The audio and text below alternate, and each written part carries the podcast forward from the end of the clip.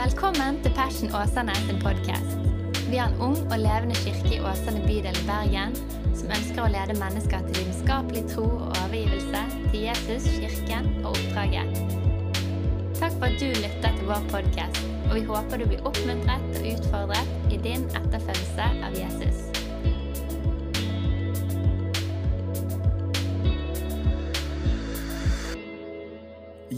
Du, Velkommen til gudstjeneste.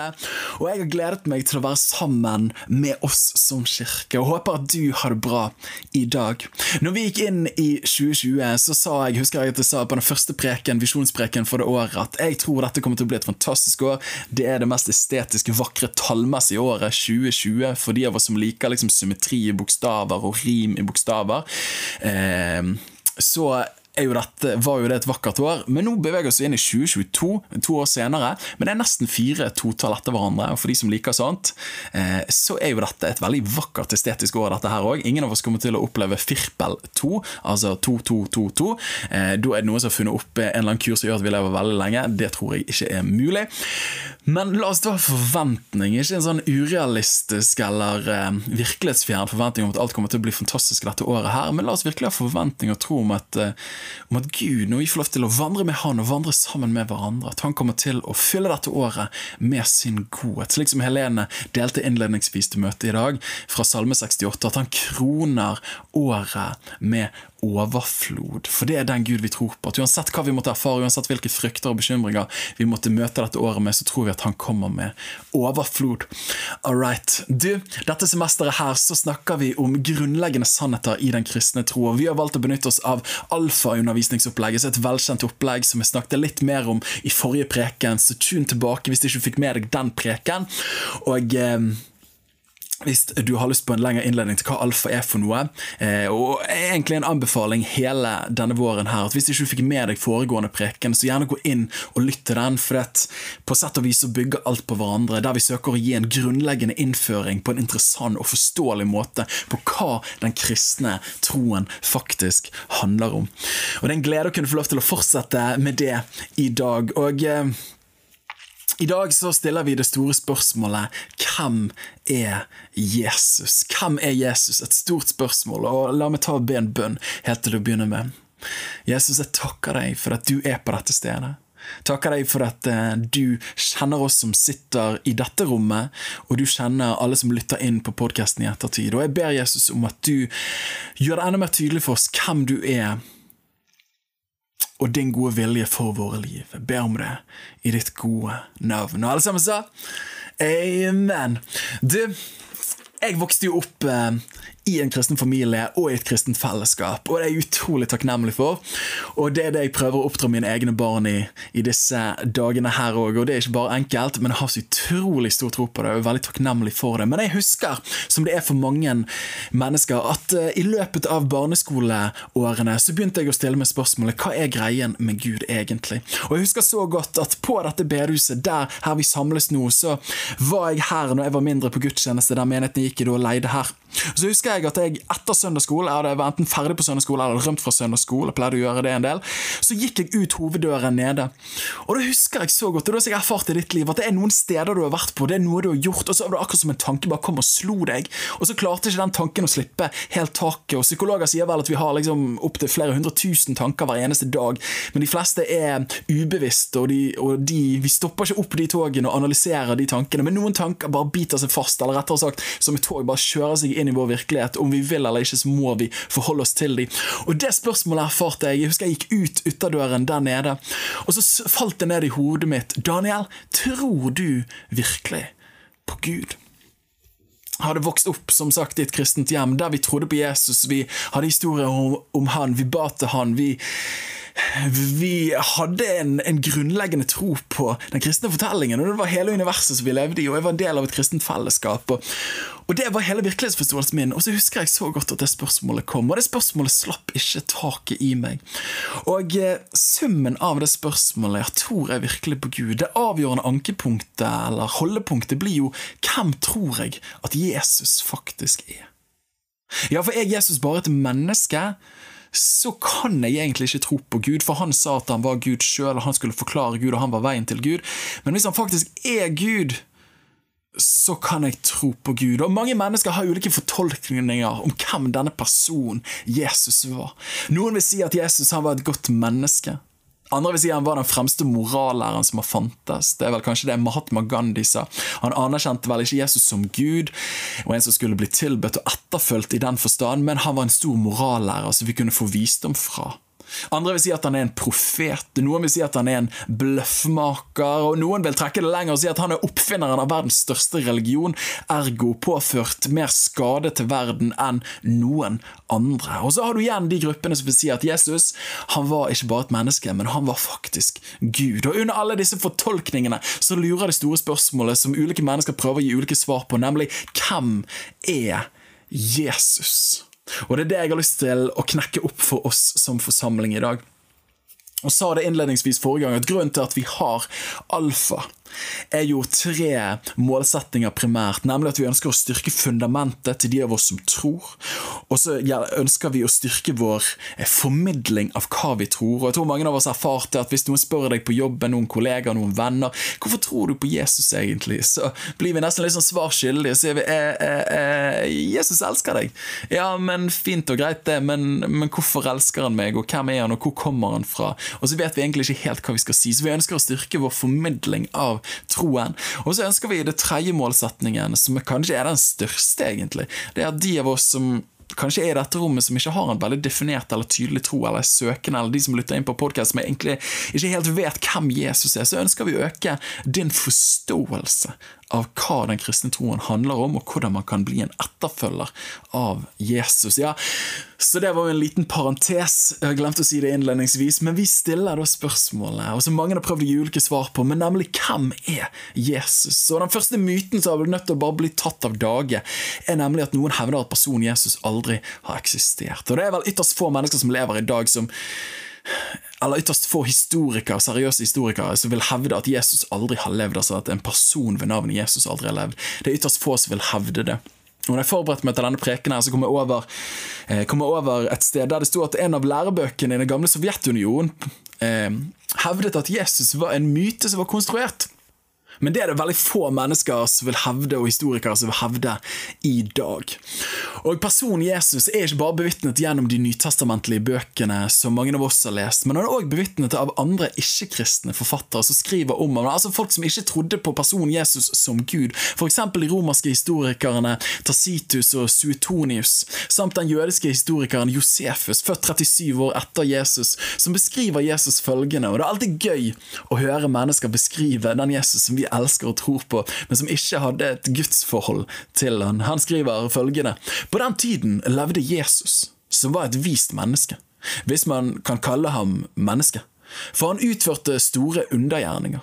Han var en lærer for slike som mottar sannheten med glede. Han trakk mange av jødene til seg, men òg mange hedninger. Ingen tviler på at Cæsar har levd, eller at Romerriket har eksistert, eller noen av de andre romerske keiserne, selv om vi har langt færre tekstoverleveringer ifra de. Ja, troverdigheten for at noe faktisk har skjedd, bygger jo ofte på manuskripter som vi har i dag.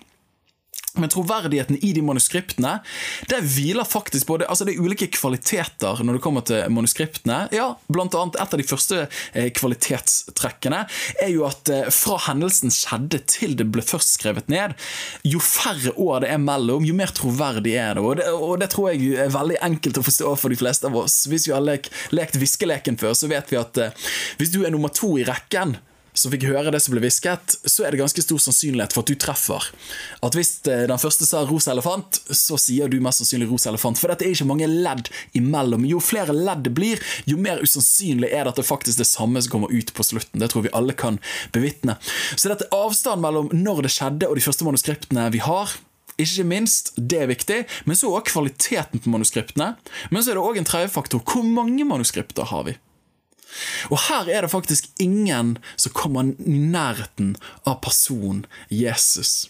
Som dere kan se på bildet her, her er det flere ulike verk som vi har tilbake fra antikken, og her står det når det ble skrevet ned, og hvor mange år etter det ble skrevet ned fra det fant sted.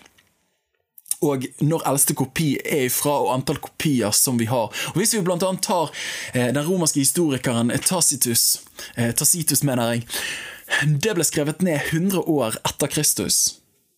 Og første kopi vi har bevart i dag, er fra 1100 etter Kristus. Altså 1000 år imellom fra det ble skrevet ned til det første manuskript vi har i dag, og antall kopier vi har i dag, er 20 stykker.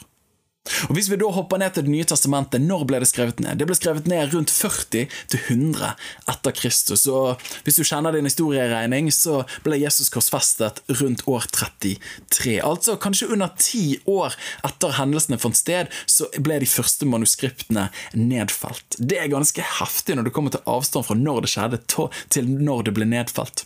Og eldste kopien vi har, er fra 130 etter Kristus. Altså, det er ikke lenge sammenlignet med andre verk som vi har fra denne tiden der.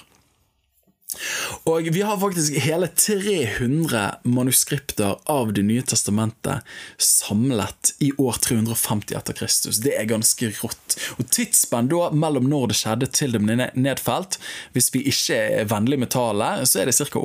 300 år. Og Når det kommer til antall kopier, så har vi 5000 pluss greske, 10 000 latinske, 9300 av andre språk. Dette er så overlegent alle andre personer som har levd i antikken, som vi har bevitninger ifra. Og en av de største tekstkritikerne fra de siste århundrene, FJA Hort, sier det sånn som dette her. At tekstene i Det nye testamentet står i en absolutt og utilnærmelig særstilling blant oldtidens prosatekster, fordi den hviler på en så variert og fyldig bevismengde.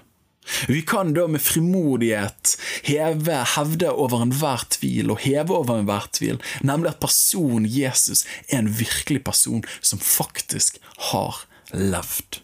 Og Det er godt å bare liksom slå hull i den myten når noen kommer og sier du, han Jesus han har aldri levd. Du, beklager, altså. Men hvis ikke Jesus har levd, så har ikke Cæsar fantes.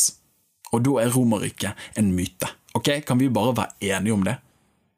Så, at, så dette, det er hevet over enhver tvil. Person, en person som het Jesus, har levd. Men så blir jo motspørsmålet ok, greit nok at en person som het Jesus, har levd, men hvilket grunnlag?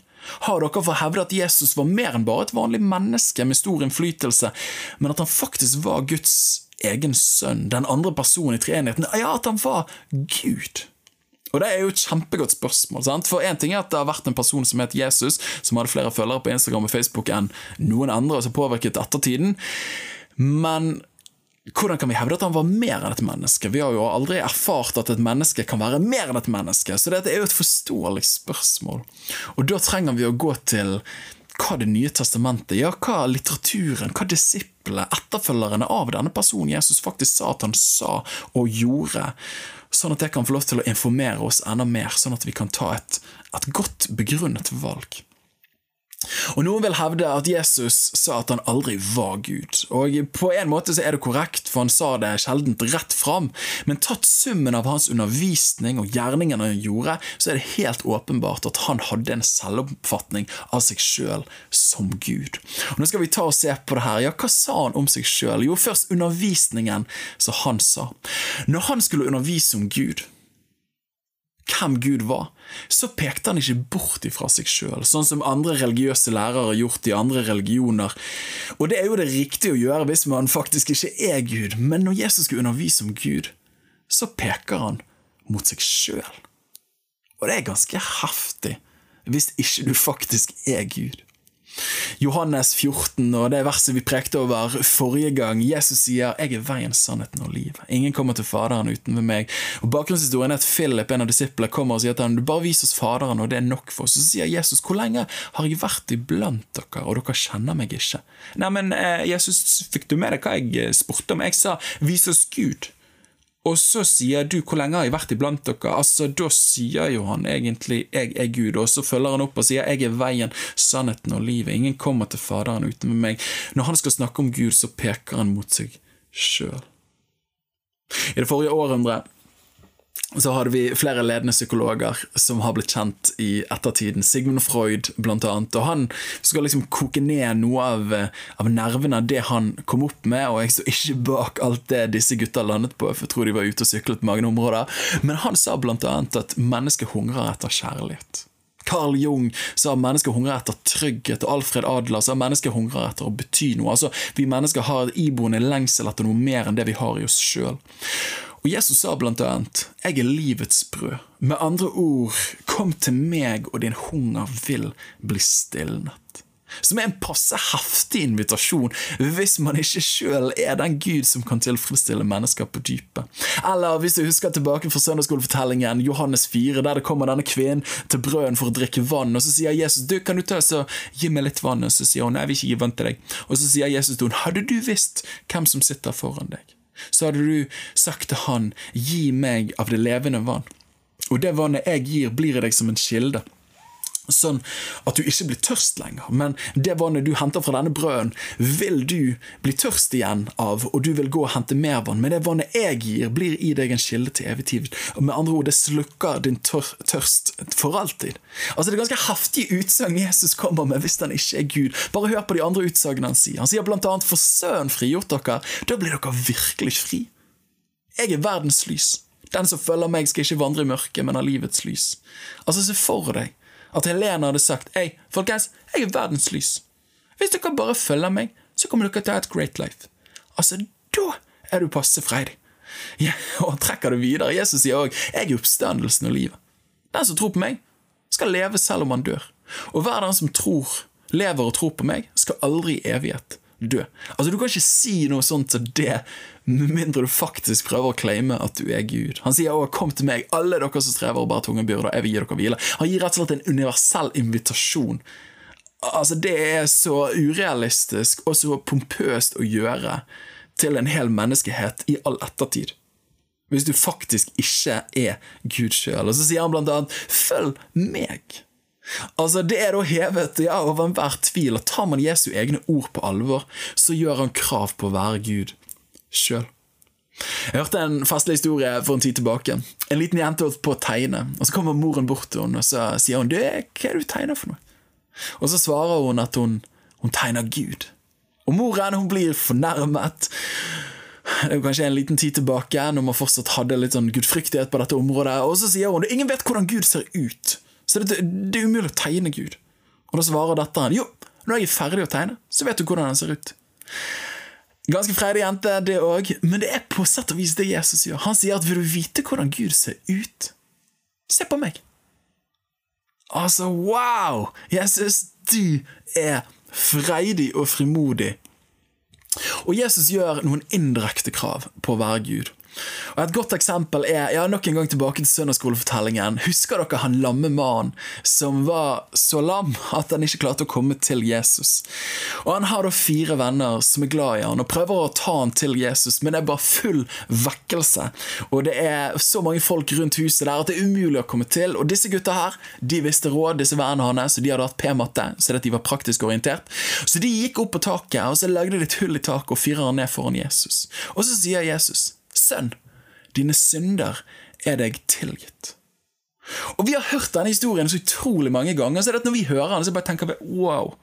Hent syndspilleren. Bare la oss få litt stemning her.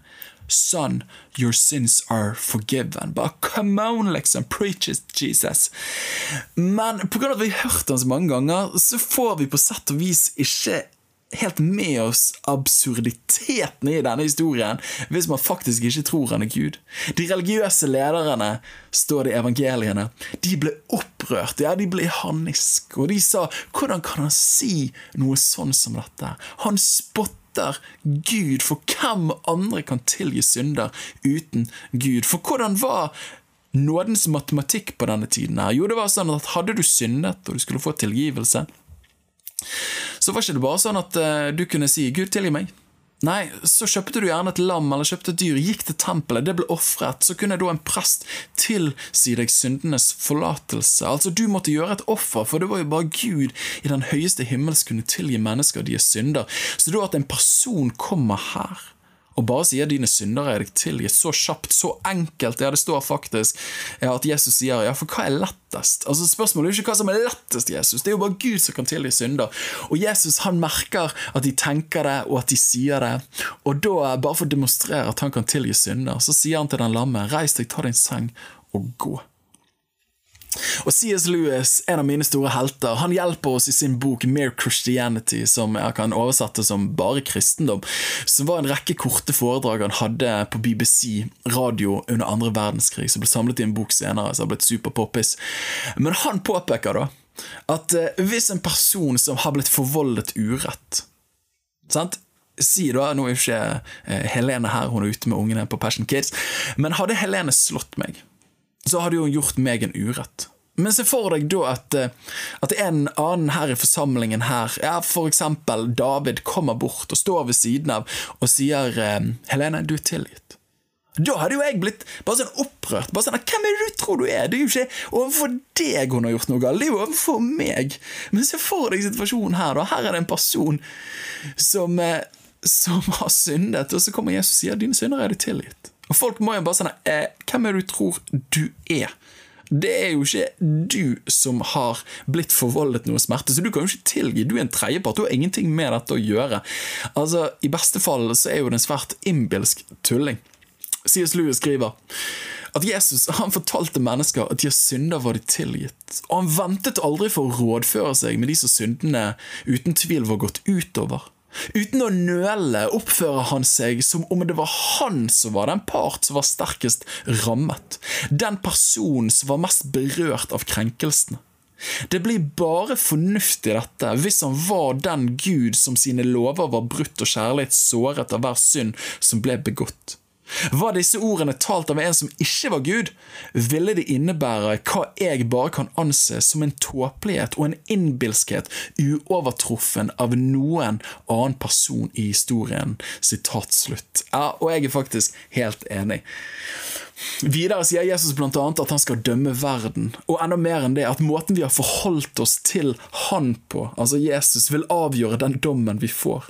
Alle disse utsagnene er jo da indirekte krav på å være lik Gud den allmektige sjøl, og det ville vært totalt absurd og forstyrret med mindre han faktisk er Gud. Og Jeg må si at jeg synes det er litt sånn frigjørende, men også litt sånn frist å kunne få lov til å se på bibeltekstene på denne måten. Akkurat som du tar av de kristne og religiøse brillene, men akkurat som du bare kommer med et litt sånn åpent sinn.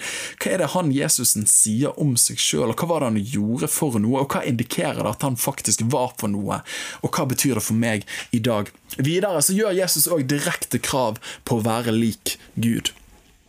På slutten av Jesus' sin tjeneste så blir han tatt inn til domstol foran øverstepresten og rådet. Og så spør øverstepresten han rett ut, for de har fått med seg undervisningen hans, alle de indirekte kravene han gjør på å være Gud lik. Og så spør han han rett fram og sier, er du Kristus? Sønn av den velsignede. De, de tørte ikke å si Gud engang, for de hadde så gudsfrykt.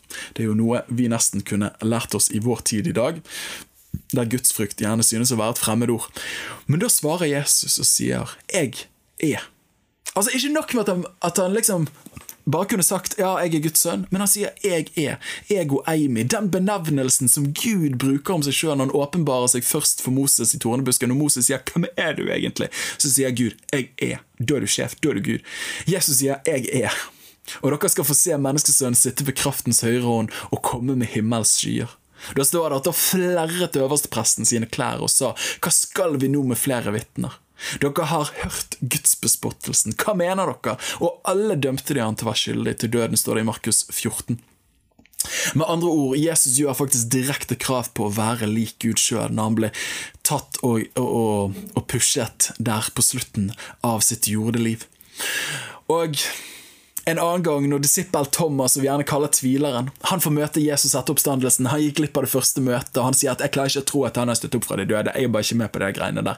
Men når han da får se Jesus neste gang, så knekker jo han sammen. Og så sier han 'min Herre og min Gud'.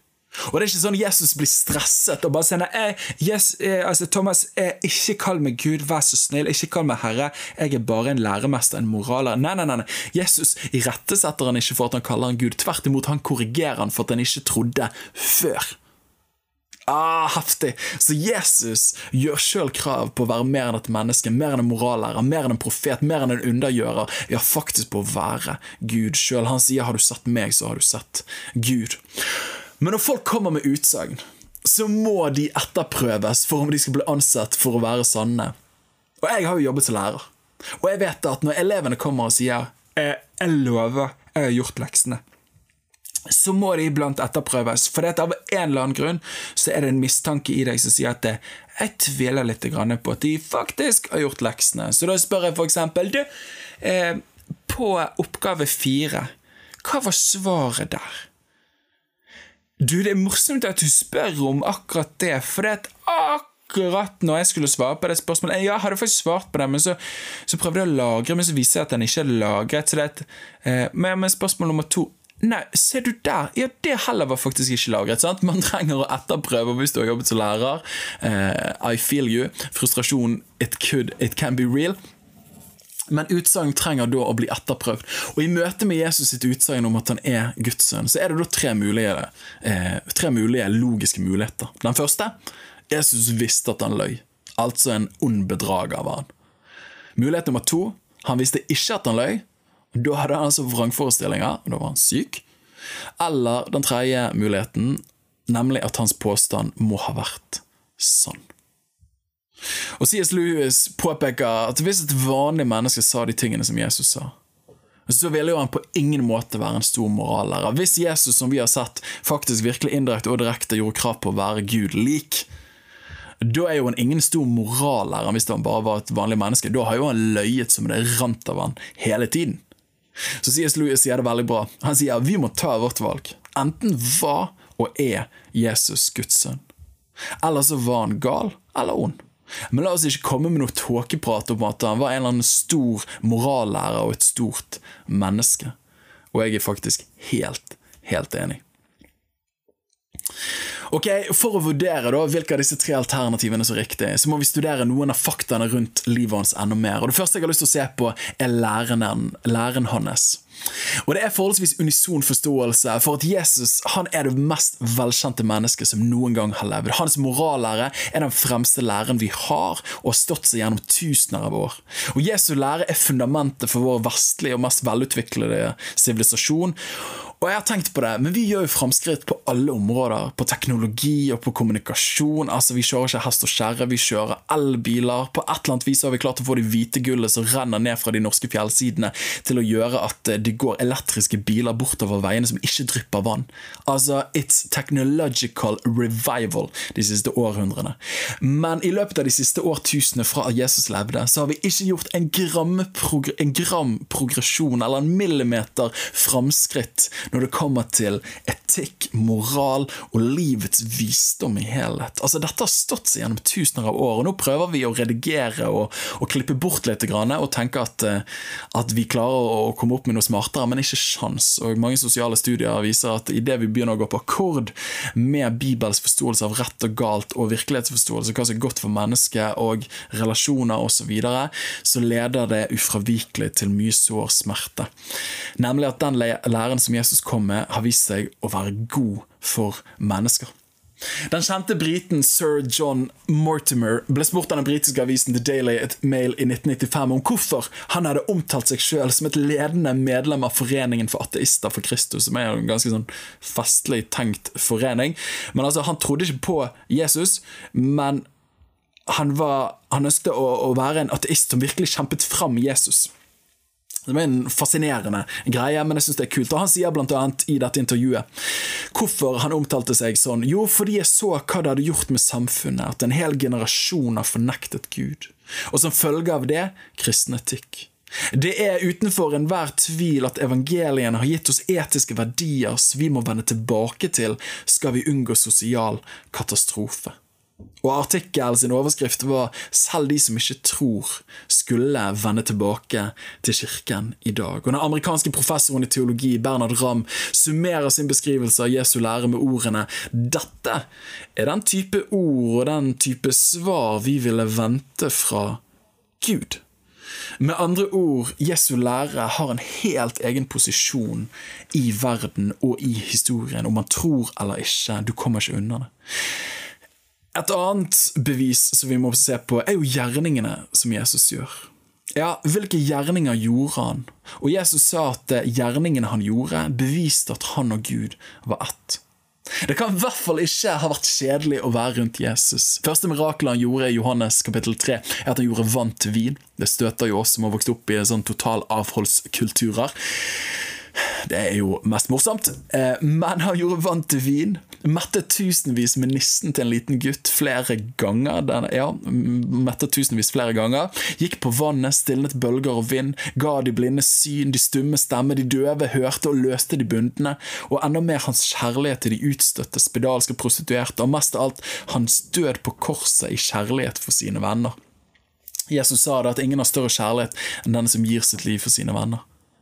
Og det ville jo da vært helt uhørt, tenker jeg da, at en person som er ond eller gal, ville gitt sitt liv Altså En person som er ond, er jo dypt egoistisk. Hadde jo aldri gitt sitt liv for andre mennesker. En person som var syk, kanskje kunne gjort det, men veldig lite trolig at man hadde klart å være konsis i sin karakter hele tiden hvis man faktisk var syk. Neste beviset vi er nødt til å ta og se på, er karakteren til Jesus. Altså, Jesu karakter har gjort inntrykk på millioner kristne gjennom årene, og det er ikke uten grunn. For det første var han uten sanne anklager mot seg, altså synd, men òg når han skulle bli dømt, så var ikke det Det var falske anklager, alt sammen. Han gjorde ikke igjen når han ble plaget.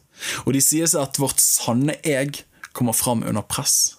Og når Jesus ble presset, altså korsfestet, altså fysisk naglet til et tre, og du kan vel neppe bli tastet mer enn akkurat det, så sier han Gud, tilgi dem, for de vet ikke hva de gjør. Altså Han begynner ikke å banne, han begynner ikke å steike, han blir ikke sur. Nei, han kjenner sorg og sier han, Gud, tilgi dem.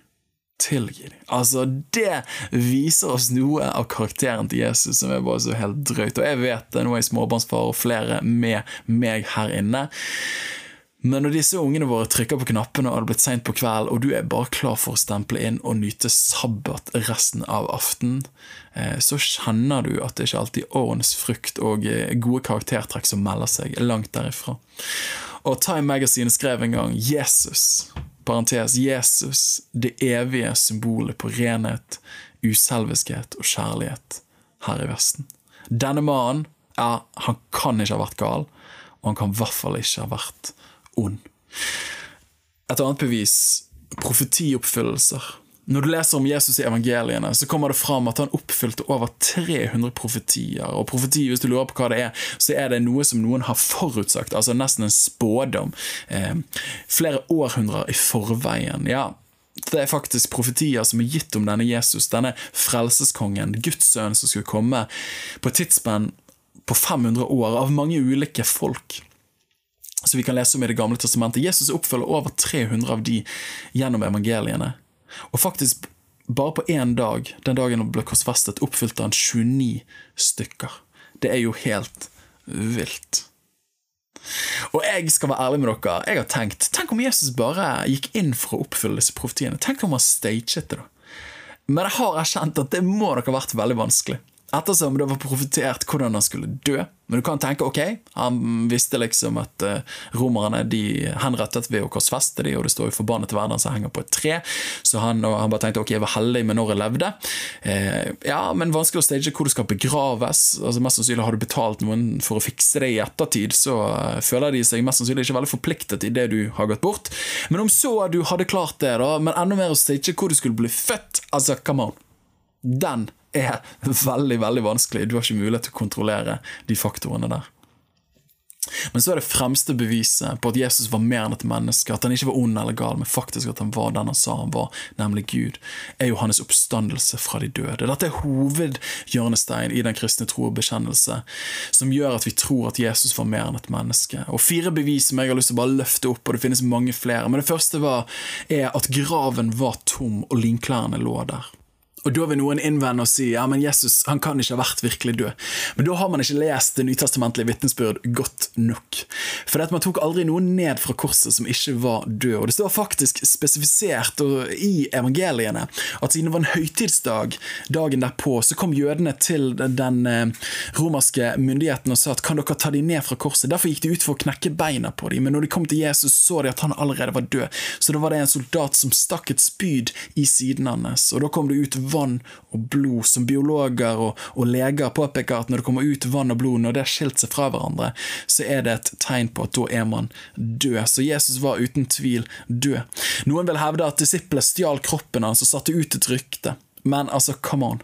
Disse var jo full av panikk, angst, deprimert, livredde, trodde de skulle bli drept. De var kjempefryktfulle. Ikke sjans at de bare har snudd om på liksom så kort tid. Og i tillegg så var graven bevoktet, leser vi i evangeliene. Og det er ikke sånn at disse fiskerne klarte å overmanne disse romerske soldatene.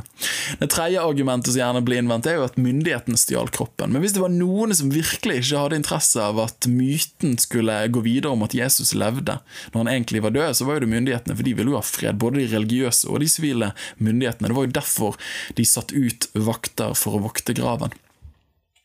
Et annet argument for at faktisk oppstandelsen har funnet sted, var jo at han viste seg for disiplene. Ved elleve ulike anledninger i løpet av seks uker så viser han seg for disiplene. Første Korinterne 15 snakker om at han viste seg for 500 stykker på samme tid. Og Greit nok at noen kan hallusinere. Hvis man veldig veldig ønsker at noe skal være sant, så kan man kanskje føle at ah, nå tror jeg faktisk ser at pappa kommer der borte, for jeg ønsker det så utrolig, for han skal ha med seg lørdagsgodtet. Men så var det ikke pappa som kom likevel. Greit nok at noen kunne ha hallusinert eller forestilt seg det, eller ønsket det så veldig, eller satt ut et falskt rykte, men 500 stykker på samme tid, det er bare ikke sjans, da. Og eh, samt så tok de på Jesus. Han samtalte med dem, og han spiste med dem. Så han viste seg for disiplene. Og det er ikke, ja, nok en gang, 500 pluss kan ikke ved flere anledninger blitt enige om at dette er ikke sant. Noen hadde røpt seg da i løpet av et par århundrer. Et tredje argument er kirkens umiddelbare vekst. Altså Kirken erfarte en radikal vekst, og ikke minst frimodigheten til disiplene. Her har du altså disipler som, eh, som var livredde som gjemmer seg, som, eh, som, låser dørene. Vi leser om første gangen når Jesus kommer og møter disiplene etter oppstandelsen. Han går gjennom veggen, det er ganske heftig, men de satt bak låste dører. De var utrolig fryktsomme. Men plutselig så leser vi apostelens gjerninger, det andre kapittelet, at Peter og de elleve apostlene står foran tusenvis av folk under høytiden i Jerusalem og sier Hei, du han som dere har korsfestet, han lever! Dere må begynne å tro på han, for det, he's the real meaning with life. Altså og hvis du i tillegg vet at elleve av de tolv disiplene hans endte opp med å bøte med livet som martyrer for det de trodde på Altså, Ikke sjans at man bare de satte seg ned og bare sa Nå vet vi at Jesus dør, men vi har bare lyst til å stifte en verdensreligion. Og vi bare tenker at vi skal holde denne myten levende, så vi bare gir livet vårt for det. Altså, du, overbevisningen til oss mennesker er ikke så sterk. Ikke sjans. Så de må ha sett noe, de må ha erfart noe som er mer enn suggesjon av placebo. De må faktisk ha sett at en, en, person kom tilbake fra de døde, som de kjente igjen, som de snakket med, og som de forsto var den samme personen. Altså Jesus. Og da Kristentroen ble den dominerende troen i Romerriket, fra å være en liten sekt med et par titalls stykker, til å være millioner på 300-tallet i Romerriket, og ble den offisielle religionen i rundt 325. Heftig. Det må ha vært mer enn at de ble enige om å spre en løgn. Og det fjerde argumentet, som er et personlig argument, men du det er 2,4 milliarder på denne kloden her, med ulik etnisitet, ulike stammer, kontinenter, nasjonaliteter, økonomisk, sosial og kulturell bakgrunn, men alle sammen, uavhengig av at de har veldig lite til felles på veldig mange områder, hevder at de har en relasjon og en erfaring av denne personen, Jesus, som var mer enn et menneske, men faktisk Gud sjøl. At de har møtt han, at han har berørt dem, at han er meningen med livet, at han har helbredet dem, at han har satt dem fri, at han har gitt tilværelsen mening, at han har gitt dem fred i hjertet, at han har gitt dem bønnesvar. Altså, mennesker på alle steder på denne kloden her vil hevde det om personen Jesus Kristus. De har møtt han i drømmer, de har møtt han i syner, det har forandret deres liv, osv. Det finnes utallige historier, og jeg kan bare si for min egen del, 13 år gammel, spørsmålet runget i meg, tror du, Daniel, virkelig på Gud? Rett etter jul i åttende klasse, ca. på denne tiden her, i januar. Jeg skal ikke prøve å regne tilbake til hva årstall det var. Rundt 2000 rundt 2005, kanskje. Nå, nå, er jeg på tynnings her. Men jeg hadde ingen forventning om å møte Gud. Jeg visste ikke helt hva jeg trodde. Jeg visste at mor og far trodde, at mange folk rundt meg trodde, men jeg visste ikke helt hva jeg trodde. Men den kvelden der så erfarte jeg noe som jeg bare ikke var på min forventningshorisont i det hele tatt. Nemlig en kjærlighet som jeg ikke trodde eksisterte. Og jeg husker når jeg reiste meg opp fra gulvet, jeg hadde sittet på kne For at vi ble bedt om å gjøre det, ikke pga. jeg var så veldig kristen. Men vi ble bedt om å gå ned på knær, og så gikk jeg ned på knær, og så kom noen og bar for meg, og så bare kaboom. Så ble jeg møtt av en kjærlighet jeg ikke visste eksisterte. Og husker da jeg reiste meg opp fra det gulvet, så tenkte jeg at uh, første tanken Akkurat som den andre tanken slo meg en gang, så slo denne tanken meg. Jeg kommer aldri til å glemme det. Første tanken slo meg, var nå kan jeg aldri bli den samme igjen. Ergo, dette som jeg nettopp nå erfarte, det forandrer alt. For nå visste jeg at Gud faktisk var virkelig. Og det har faktisk forandret alt. Livet jeg har levd, prioriteringene jeg har gjort. Ja, faktisk det at vi sitter i passion, er jo i stor grad en frukt av det. At jeg har fulgt Jesus, og vi kjente et kall til å plante kirke. Vi hadde aldri gjort det. Hadde ikke jeg hatt den erfaringen av å møte Jesus da jeg var 13 år gammel. Og jeg er sikker på at dere her inne har tilsvarende erfaringer av at Jesus han er mer enn en person fra kristendomsundervisningen eller religionsundervisningen i tredje klasse på videregående. Jesus, han er faktisk levende, og han er Gud. Så spørsmålet vi stiller, er hvem er Jesus? Var han en ond bedrager? Var han gal, eller, eller var han sann? Altså Gud. Og det er ikke ofte romanfiguren Sherlock Holmes siteres i kirken. Men han sier en gang når du har eliminert det umulige, må det som blir igjen, uansett hvor usannsynlig det ser ut, være sannheten. C.S. Lewis han sier det presist etter å ha utforsket den kristne troen. Vi møtes altså av et skremmende alternativ. Denne mannen som vi snakker om, var og er enten akkurat det han selv sa, eller gal eller noe verre. Og For Louis virket det innlysende at han ikke kunne være noen av de. Derfor trekker han følgende slutning. Hvor merkelig og forferdende og usannsynlig det enn kan synes, må jeg derfor godta det syn at han var og er Gud. Og hvis han var Gud den gang, så må han være Gud hver gang, altså i dag òg.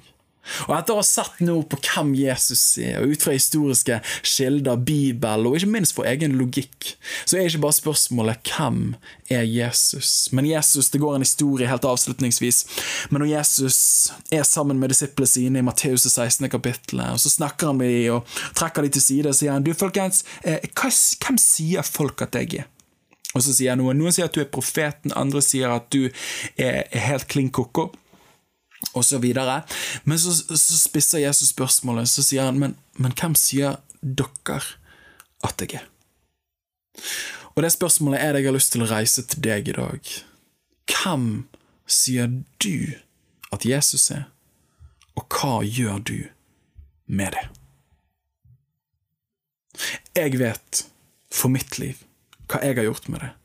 At for meg gjennom både logikk, både gjennom Bibelen, men ikke minst òg gjennom egen erfaring.